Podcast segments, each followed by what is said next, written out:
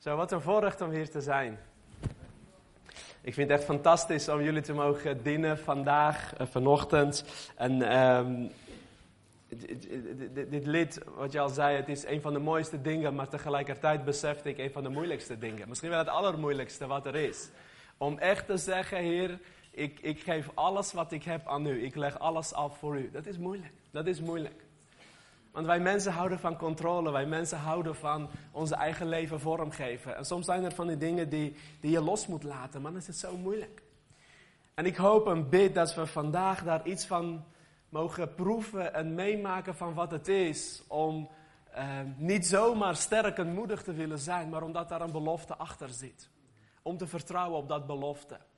Om een offer te brengen voor dat belofte. Het is bijzonder om deel te zijn van dit weekend. Ik moet eerlijk zeggen, ik heb heel lang getwijfeld of ik überhaupt zou komen of niet.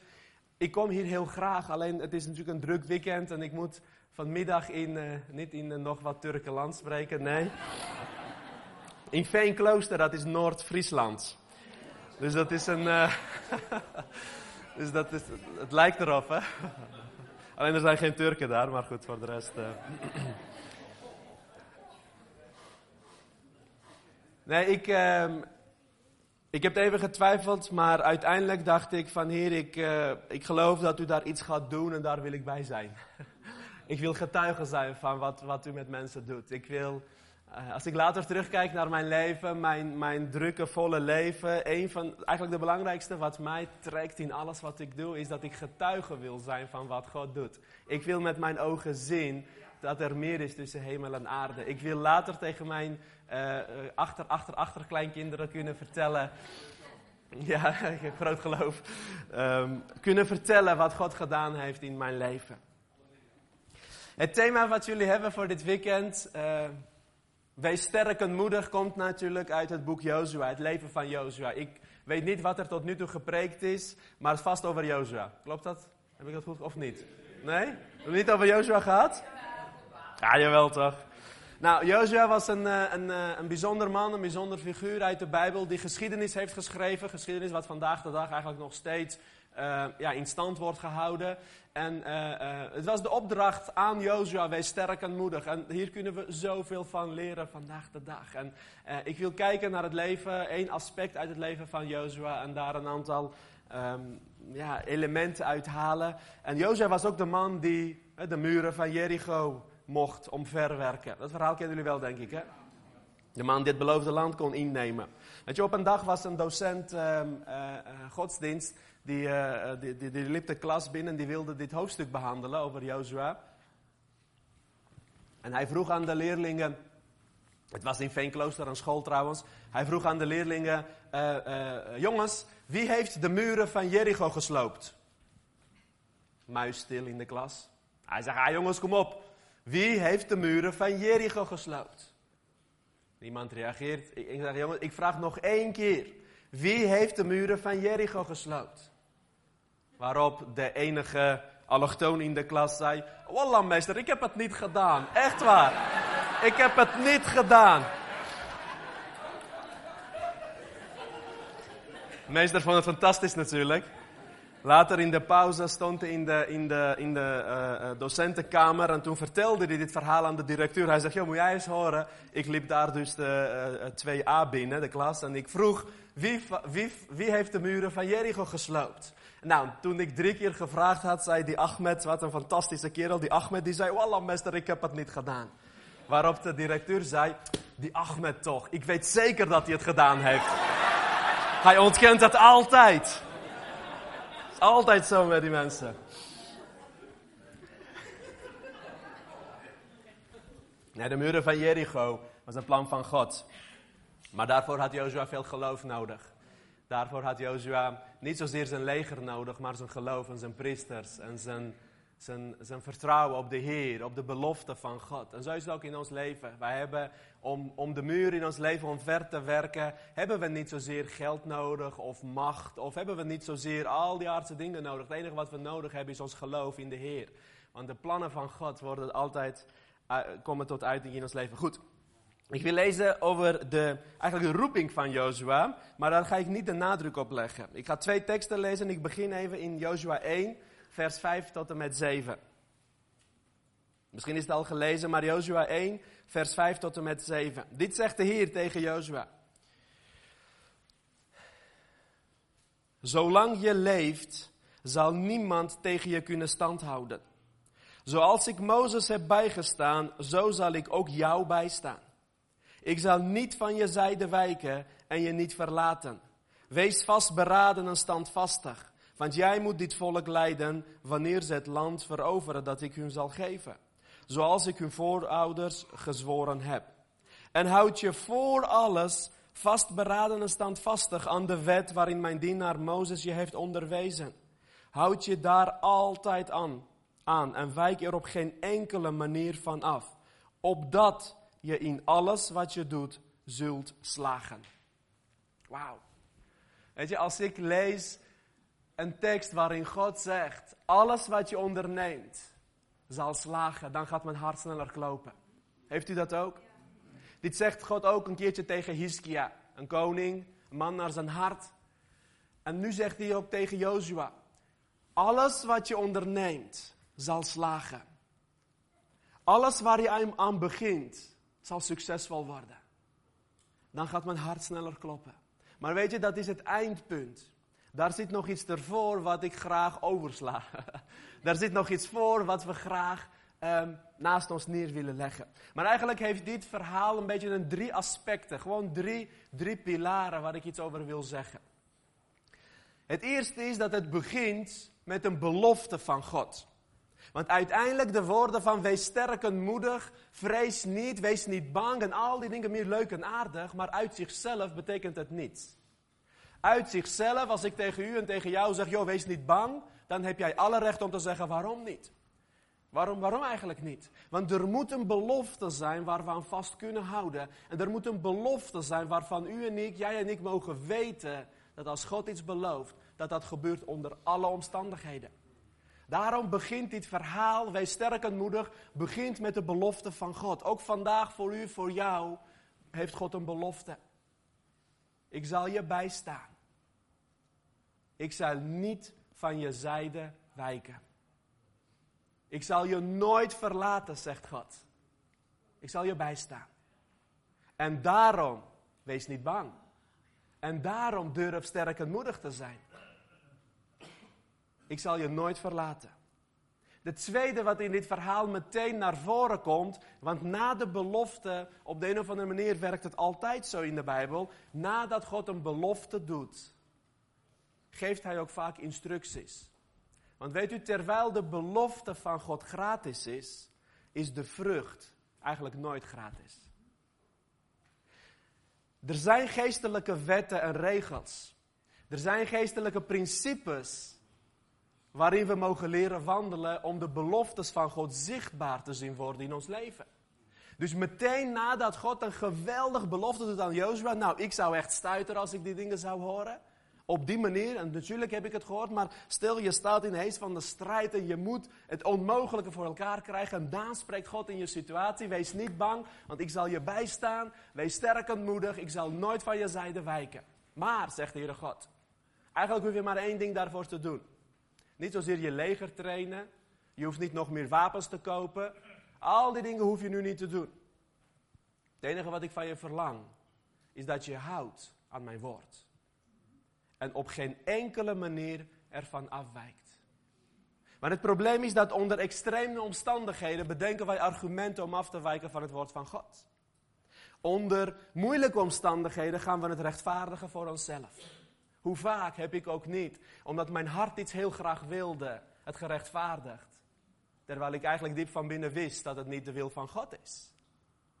De Heer God zegt onder geen enkele omstandigheden, wijk niet af van de instructies, van de wet, van wat ik geleerd heb via Mozes aan jou. Is het enige wat jij hoeft te doen. En wees niet bang.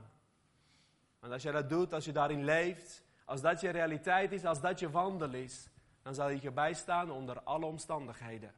En alles wat je onderneemt, zal lukken. Want dat is het derde aspect. Is dat het begint met een belofte. God geeft zijn instructies En uiteindelijk laat hij het eindbestemming zien. Dat is gewoon dat je weet wat de consequentie, het gevolg daarvan is. Het gevolg is dat alles wat je onderneemt zal lukken. Nou, met die gedachte vertrekt Jozua. Fantastisch of niet, toch? Met die gedachte vertrekt hij en begint hij aan zijn bediening. Want dit is, dit is het begin van Jozua's bediening. Zo begint hij. Eigenlijk zou je kunnen zeggen, de sky is the limit, het kan hem niet meer stuk. Het enige wat hij hoeft te doen is aan Gods woord te houden. En vervolgens wil ik een paar versen verder het verhaal lezen. Dat ze eigenlijk een beetje de eerste grote uitdaging uh, uh, voor, voor ogen krijgen. Jozua 3 lees ik dan even. De overtocht over de Jordaan. Jozua 3, vanaf vers 1 tot en met 5.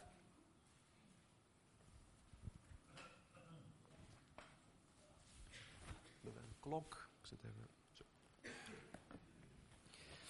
De volgende ochtend vroeg trok Jozua met het hele volk weg uit Sittim.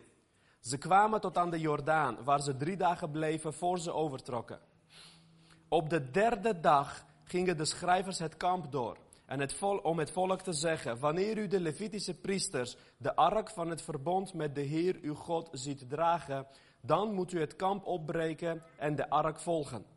Maar blijf op grote afstand, ongeveer 2000 el, kom niet dichterbij. Dan kunt u zien welke weg u moet volgen, want u bent hier nooit eerder geweest. En Jozua zei tegen het volk, reinig u, want morgen zal de Heer in uw midden wonderen verrichten. Nog een keertje vers 5. En Jozua zei tegen het volk, reinig u, want morgen zal de Heer in uw midden wonderen verrichten. Sommige vertalingen zeggen, bereid je voor. Zo kun je het ook vertalen. Bereid je voor, want God gaat wonderen verrichten in je midden. Nou, weet je, nadat we de belofte van God hebben in ons leven, de belofte dat Hij ons niet zal verlaten, is het wel de kunst nog steeds om achter Hem aan te gaan. Zij hadden het, het voorbeeld, de ark van het verbond. De ark ging vooruit en zij, waarom? Zodat ze konden zien, staat er, welke kant je op moet. Weet je, ik ben af en toe zo'n, on, on, noem dat, zo'n ongericht projectiel, of hoe heet dat? Zo, zo, zo iemand die, ongeleid projectiel. En, uh, en uh, ik, ik, ben geneigd om alle kanten op te rennen en, en enthousiast te zijn. Maar de kunst is altijd dat we in ons leven weten, waar wil God naartoe bewegen, waar wil Hij mij naartoe leiden. Zij hadden in die tijd de ark om te volgen. Wij hebben vandaag de Heilige Geest om te volgen. Want samen met de belofte, en als we ons houden aan zijn woord en uitzicht hebben op het mooie eindbestemming, is de kunst om een leven te leiden achter de weg, of volgend de weg die God met ons wil gaan, waarin Hij voor ons uitgaat. Dat was namelijk de route. En dan zegt Jozua in vers 5, eigenlijk wil ik daarbij stilstaan. Dat is de vers die mij enorm heeft beziggehouden, die mij gekweld heeft, die, die, die, die, die mij getriggerd heeft. Dat is dat Jozua zegt tegen de mensen, jongens, bereid je voor, reinig je, want God gaat morgen grote dingen doen. Ik ontdekte dat ik vaak heb gebeden voor wonderen, maar dat ik mij niet voorbereid op wonderen. Ik ontdekte dat ik soms denk, of soms uit gewoonte of uit, nou ja, misschien ritueel om dingen vraag. Maar nooit echt stilsta wat het betekent om mij voor te bereiden, om mij te reinigen voor die wonderen. Is God dan afhankelijk van onze voorbereiding?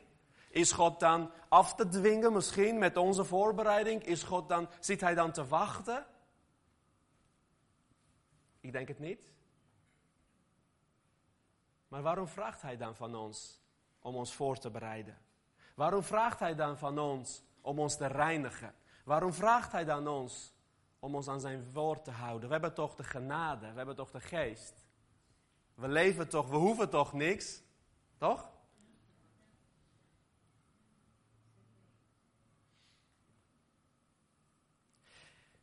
Is wel grappig. Ik, uh, ik had een periode in mijn leven, jaren geleden hebben we hierover. Ik uh, was begonnen om te bidden voor, uh, tenminste, ik had meer vrijmoedigheid om te bidden voor zieken, voor genezing. Ik ben medisch opgeleid. Ik werk in het ziekenhuis, dus ik, het is voor mij altijd wel een leuk, leuk veld, spannend veld geweest om te bidden voor zieken. En ik weet nog goed, ik was, ik was toen student, ik was jaren terug, was nog jong. En we hadden een dienst, um, jeugddienst, en ik stond daar en ik verlangde heel erg ernaar om um, wonderen te zien gebeuren. En terwijl ik daar stond en, en ik bad, en, en, en, en jongen, inderdaad, op een gegeven moment gingen we uh, gewoon rijen maken en we stonden daar als bidders en mensen kwamen naar ons toe en we baden, was een jongerendienst. En er gebeurden hele mooie dingen, echt een paar paar wonderen dat ik dacht van wow, weet je wel, ik, ik, ik ervoer echt Gods kracht en, en, en, en ik zag God werken. En zeker voor mij als een, als een academicus is dit waanzinnig leuk, want dan stuiter je helemaal, dat gaat buiten al mijn, al mijn kennis en training om en dan denk je van wow, dit is de kracht van God. Dus ik was helemaal enthousiast en tegelijkertijd besefte ik dat het er nog niet helemaal was, ik wilde meer. Ik dacht, Heer, hoe kan het dat het niet. Hoe, uh, wat, wat, moet ik doen, zei ik, Heer, dat het, dat het helemaal doorbreekt?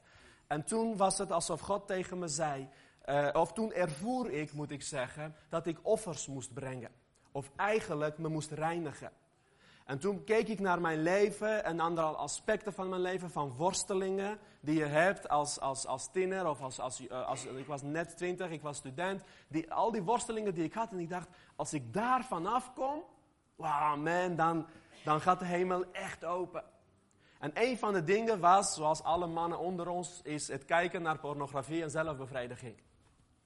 Dus ik dacht, als ik daar helemaal vanaf ben, man, dan, want over twee weken of drie weken, of over een maand, weet ik niet meer, hadden we nog een dienst gepland staan en ik zou daar vier mee willen bidden. En ik dacht, daar, op die plaats, man, dat wordt, poeh, poeh. Dus ik, dat was voor mij een prikkel om te zeggen, Heer, ik wil me voorbereiden op de dienst die gaat komen. En die ging me reinigen. Ik ging vechten, strijden, wil je niet weten. Niet vanuit schuldgevoel, maar vanuit verlangen om God te zien werken. En ik had, uh, uh, het, het, ging fantastisch. Ik heb, ik heb echt geweldige uh, voorbereidingstijd gehad. Ik heb echt kunnen breken met de verlangens, de macht, het lichamelijke. En ik, ik heb er echt helemaal mee kunnen breken. Fantastisch. Dus ik, ik, mijn, mijn hart ging steeds sneller kloppen van wat gaat er nu gebeuren. Nou, de dienst was daar. En de tijd van gebed kwam en ik stond daar en ik zei, kom maar op. En tegen iedereen, teamleden zei ik van, moet jij eens kijken jongen, moet jij eens kijken. Lieve vrienden, er gebeurde helemaal niets. Helemaal niets. Terwijl ik naast me, bij anderen die veel minder heilig waren, van alles zag gebeuren. De eerste na de ander die in mijn rij stond, gebeurde niets. Weet je, toen, toen, toen ben ik gewoon weggelopen. Ik, ik dacht van, heer, wat is dit? En wij hadden een mooie kruis hangen in de kerk. Dus ik ging gewoon, ik had even mijn, mijn eigen momentje, de muziek speelde door. En, en ik ging naar het kruis en ik zei, heer, hoe kan dat? En ik viel daar op mijn knieën en ik, ik begreep er niks van. Ik begreep er helemaal niks van. En toen was het alsof God tegen me zei: Denk je nou echt, jongen, dat je mijn wonderen kunt afdwingen met jouw heiligheid? Of denk je nou echt dat ik jou alleen maar wil geven als jij van alles hebt opgeofferd? Ik zei: Heer, sorry, natuurlijk niet.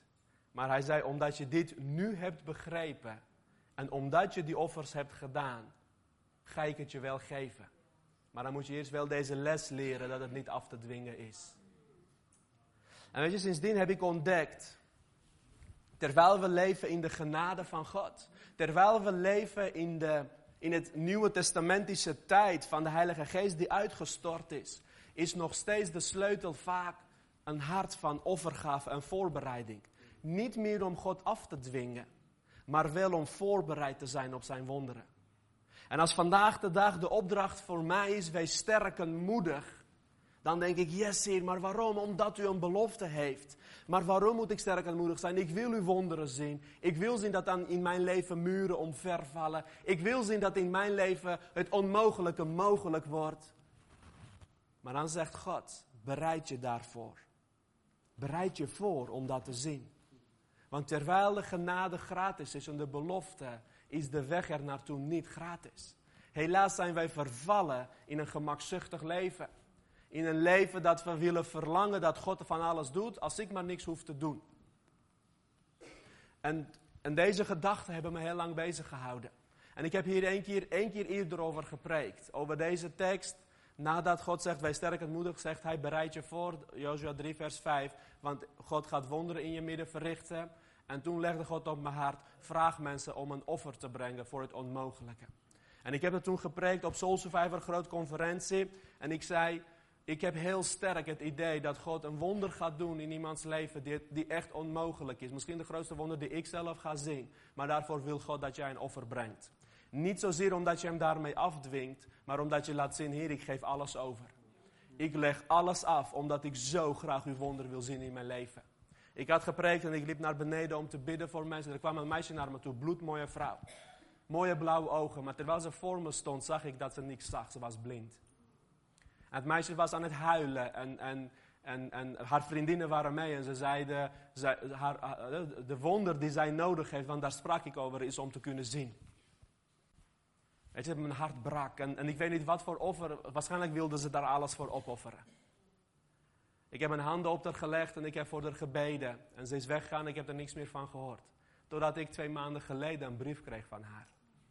En ze schreef op Facebook, ze zei, ik weet niet meer of je mij nog herinnert. Maar toen op die plaats, zei ze, toen, toen, toen heb, ik een, heb ik een groot offer willen brengen aan God.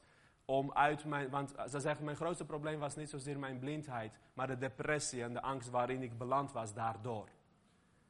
jong, in het bloed van je leven, en een oogziekte, waardoor ze, haar gezicht helemaal was gereduceerd naar 3, 4 procent. Ze kon niks zien en ze deed een sportopleiding, moest ermee stoppen. Ze zegt, dat was mijn grootste strijdpunt. En ze zegt, nu schrijf ik je Weet je, ze is verloofd, gaat trouwen, ze zit weer 40, 50 procent. En haar leven is bijna terug. En ze zegt, op die plaats gebeurde er iets wat ik niet kan beschrijven. En het begon met de trigger dat ik besefte dat ik me voor moest bereiden voor een wonder. Had ze niet gebeden dat, eerder? Tuurlijk wel. Maar ze hadden de knieën gesleten met heel die familie voor een wonder van God. Maar wat gebeurde er daar op die plaats? Ik weet het niet, ik weet het niet. Maar wat ik geleerd heb, is dat als wij sterk en moedig willen zijn, dan moeten we ook bereid zijn om offers te brengen. Dan moeten we bereid zijn om iets af te leggen, zodat de muren omvervallen. Dan moeten we bereid zijn om vast te houden aan de belofte dat God je bij zal staan. Weet je, we willen wel dat alles wat we ondernemen lukt, toch? Ik teken ervoor. Maar zijn we ook bereid om offers te brengen, om een heilig leven te leiden? Zijn we ook bereid om te zeggen, ik reinig me, zodat God wonder kan doen in mijn midden? Zijn we ook bereid om te zeggen, ik, ik leg iets af, iets van mijn zekerheid, of misschien iets van mijn strijd, iets van mijn zondige gewoontes, iets waarvan ik weet, het is niet naar de wil van God. Want zolang we dat niet doen, lieve vrienden, waarom zou God een wonder doen in je midden? Ja, uit zijn goedheid doet hij dat wel. Maar vandaag zegt hij tegen u en tegen mij: bereid je voor. Bereid je voor. Reinig je. Zodat ik een wonder kan gaan doen in je leven. Reinig je, zodat de realiteit van het Pinksteren, want Pinksteren gebeurde met wonderen, tekenen en kracht. De leerlingen moesten zich ook voorbereiden. Waarom gaf de Heer het niet meteen? Waarom moesten ze naar de bovenkamer? Waarom? Ze moesten zich voorbereiden. Ze moesten zich wijden aan gebed. En je wijden aan gebed is niet bidden, even voor de duidelijkheid. Wij gaan even bidden. Maar zij moesten zich wijden aan gebed. Je wijdt je ergens aan. Dat is, dat is veel intenser en heel anders. Waarom? Ze moesten zich voorbereiden op wat God wilde geven. En vandaag zijn we geneigd om een soort gratis evangelie te prediken. Je hoeft niks te doen. Toch? Dat is heerlijk. Dat is de maatschappij waarin we leven. Alles moet makkelijker worden. Je zou bijna een app willen voor wonderen. Dat je even zo via de Google Play eentje kon bestellen. Zo makkelijk mogelijk. Lieve vrienden, zo werkt het niet in het echte leven. Zo werkt het niet in de strijd tussen hemel en aarde. Zo werkt het niet in de strijd tussen God en de duisternis. Zo werkt het niet om je beloofde land in te nemen. Je beloofde land neem je niet in zonder offers, zonder verliezen. Je beloofde land neem je niet in door alleen maar te brullen dat je sterk en moedig bent. Waarschijnlijk was dit ook de tekst. Of kan, kan, kan deze tekst van wees sterk en moedig, want God van Israël is met je. Ook de tekst die de Israëlieten tegenover de Filistijnen steeds aanhieven voor de strijd. toen Goliath naar voren trad. Ken je dat verhaal?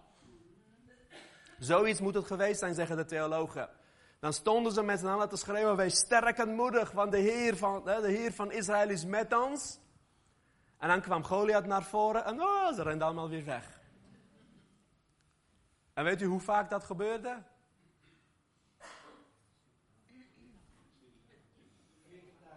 Veertig dagen. Hoe vaak per dag? Twee keer per dag. Tachtig keer. Ik bedoel, na de vijftigste vraag je je nog af waarom je de linies betrekt, toch? Er staat elke dag, ochtends en s avonds, betrokken ze de frontlinie. Ze gingen in de gevechtspositie staan. Ze hieven de strijdkret aan. Wees sterk en moedig. En kwam Goliath en ze renden allemaal weg. Oké, één keer kan gebeuren. Tweede keer, moi, kan gebeuren. Drie keer scheepsrecht, nee, kan gebeuren. Vier keer, wees sterk en moedig. Ah. Vijf keer, wees sterk en moedig. Ah. Ik bedoel, na vijftig keer, na zestig keer denk je toch van, wat is hier toch aan de hand? Nou, is makkelijk om te oordelen, maar weet u dat wij dat ook doen? Hoeveel zondagen heb ik niet gezeten in een geweldige dienst, in de worship, in de aanbiddingen gezegd, oh God, wees niet bang. Wees sterk en moedig, want God gaat het doen. En dan loop je naar buiten en dan komen weer die twijfels en de angst. En ik ren weer angstig weg. Ik weet hoe het met u zit, maar ik heb misschien wel vaker dan 80 keer het moeten doen. Omdat we niet voorbereid zijn. Omdat we niet zien op de belofte van God. Omdat we deze woorden soms uitspreken als mooie. En retorisch is het mooi om te horen. Maar het is geen poëzie, dit is het echte leven. En vandaag ben ik hier om jullie te prikkelen, om jullie uit te dagen. Vandaag ben ik hier om jullie te, te stimuleren, maar ook misschien wel te dwingen. Om deze woorden realiteit te laten zijn in uw leven. Om te begrijpen wat het betekent als u zegt tegen uzelf of in de spiegel of van mij hoort, wees sterk en moedig. Dan wil ik in de eerste plaats dat u voor zichzelf de vraag kunt beantwoorden: waarom eigenlijk? Waarom moet je sterk en moedig zijn? Kijk eens naar de realiteit om je heen. Kijk eens naar de gebrokenheid van de wereld waarin je leeft. Waarom zou je? Laten we eerlijk zijn. Waarom zou je? Zoveel gebrokenheid ook in onze gezinnen, in onze kerken, zoveel dingen die misgaan. Waarom zou je sterk en moedig zijn? Misschien was je sterk en moedig en je wilde iets graag bereiken, maar is niet gelukt. Je bent teleurgesteld. En je raapt jezelf op en dwingt jezelf om sterk en moedig te zijn, maar zodra je de realiteit onder ogen ziet, ren je weer angstig weg. Waarom zou je? Maar vandaag zeg ik tegen u, de enige reden om sterk en moedig te zijn en te durven zijn, is omdat God tegen u zegt, ik zal niet van je zijde wijken. Ik zal altijd bij je zijn. Ik zal je helpen, ik zal je steunen, ik zal je oprichten als je valt. Ik zal mijn hand op je leven leggen. Ik zal je leiden door donker dal. Ik zal een picknick voor je aanrichten voor de oog van de vijand. In de chaos van je leven wil God met je een maaltijd hebben. Terwijl de vijanden om je heen zich verzameld hebben om je op te slinden. Terwijl de zorgen en de pijn en de ziekte je in de ogen kijken. Mag je even een stukje groene weide vinden om te picknicken met God. Dat is de belofte van mijn vader. En de wonder die jij nodig hebt in je leven. De wonder die jij zo desperate nodig hebt in je leven. Ben je bereid om je voor te bereiden? Ben je bereid om offers te brengen? Ben je bereid om God te volgen daarin, vol van zijn geest? Wat betekent het voor jou en voor u als Jozua zegt: reinig je. Bereid je voor. Want God gaat morgen wonderen doen in je midden. Want weet u, de realiteit is dat het volk zich ging voorbereiden. En wat gebeurde er toen? De Jordaan spleet dat ze door konden trekken. Wij kennen vaak het verhaal van Mozes. Maar Jozef heeft het ook gedaan.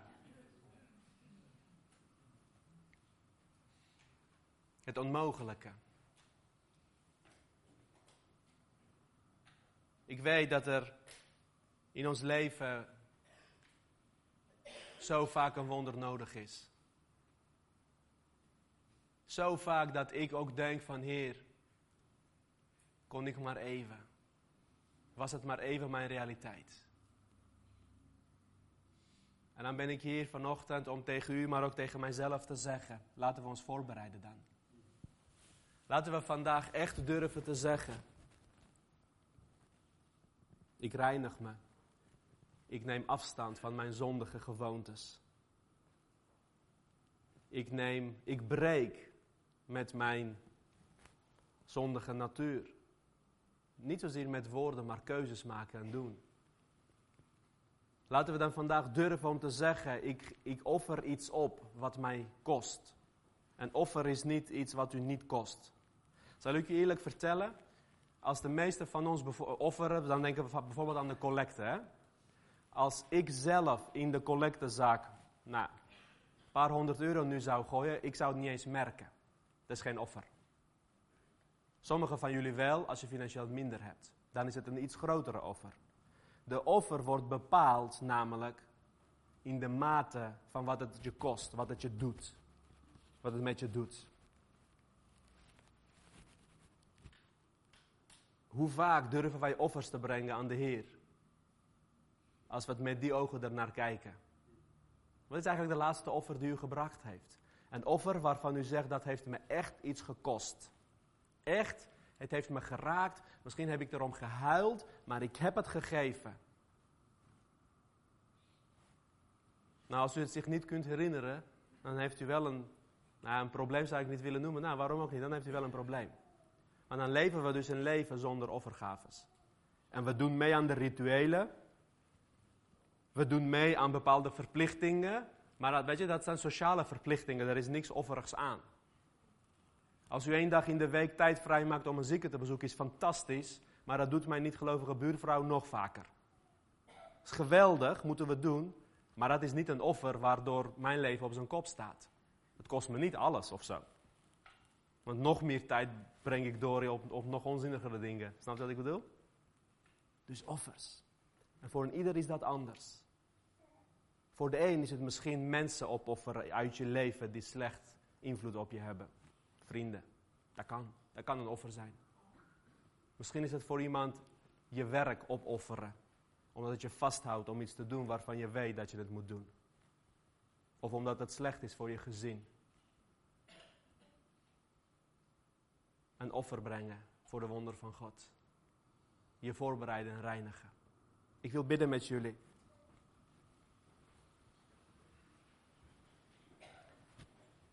Eigenlijk wil ik voorstellen hoe het is om te staan, net als Jozua bij de, bij de Jordaan. Of te staan voor een muur om te kijken naar het onmogelijke wat daarachter zit. Ik wil vanochtend met jullie kijken naar, naar, naar de muren van u en jouw leven. Naar de wonderen die wij nodig hebben in ons leven. Zo hard nodig hebben. En dat zijn vaak dingen die ons angst aan kunnen jagen. Dat zijn vaak dingen die, die ons soms doen verstijven van angst. Maar daarom ben ik hier om tegen je te zeggen: wees sterk en moedig. Wees sterk en moedig. Want Gods hand is op je leven. God heeft zijn geest gegeven zodat hij jou nooit zou verlaten. God heeft zijn geest uitgestort Opdat je zult zien waar je naartoe moet. Opdat je Hem zult volgen in je leven. God heeft zijn geest gegeven. Zodat je eigen ik sterft. Zodat je eigen ik kruisigt. En alles opoffert voor Hem.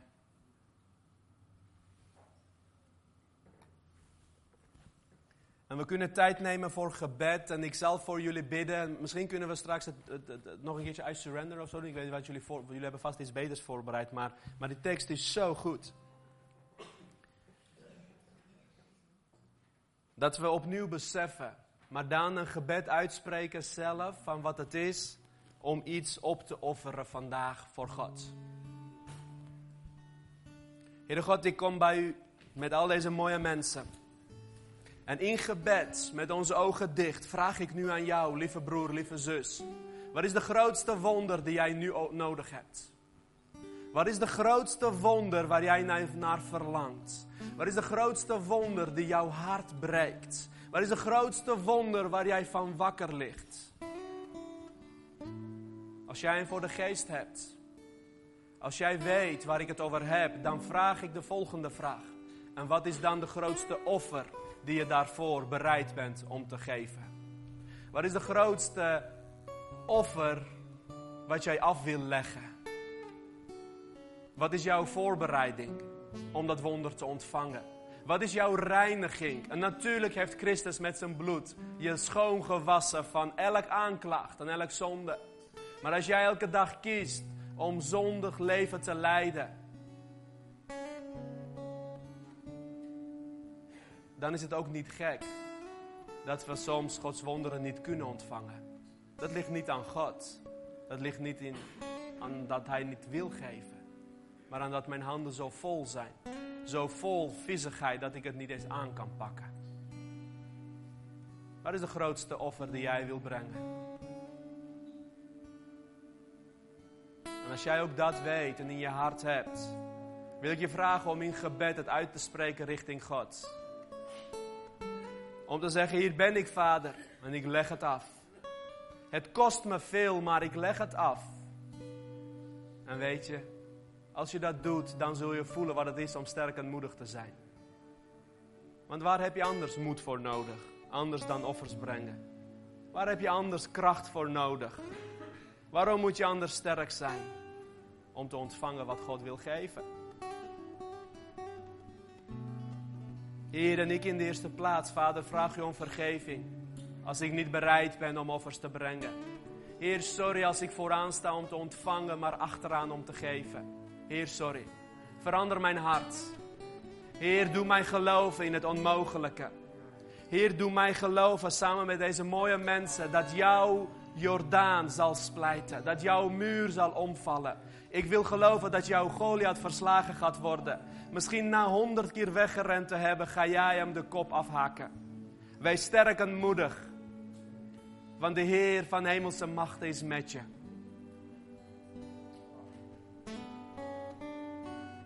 Nou, als jij bereid bent om een offer te brengen, desperate op zoek naar een wonder van God. Als jij bereid bent om je te reinigen, afstand te nemen van zondige gewoonten, dan wil ik voor je bidden.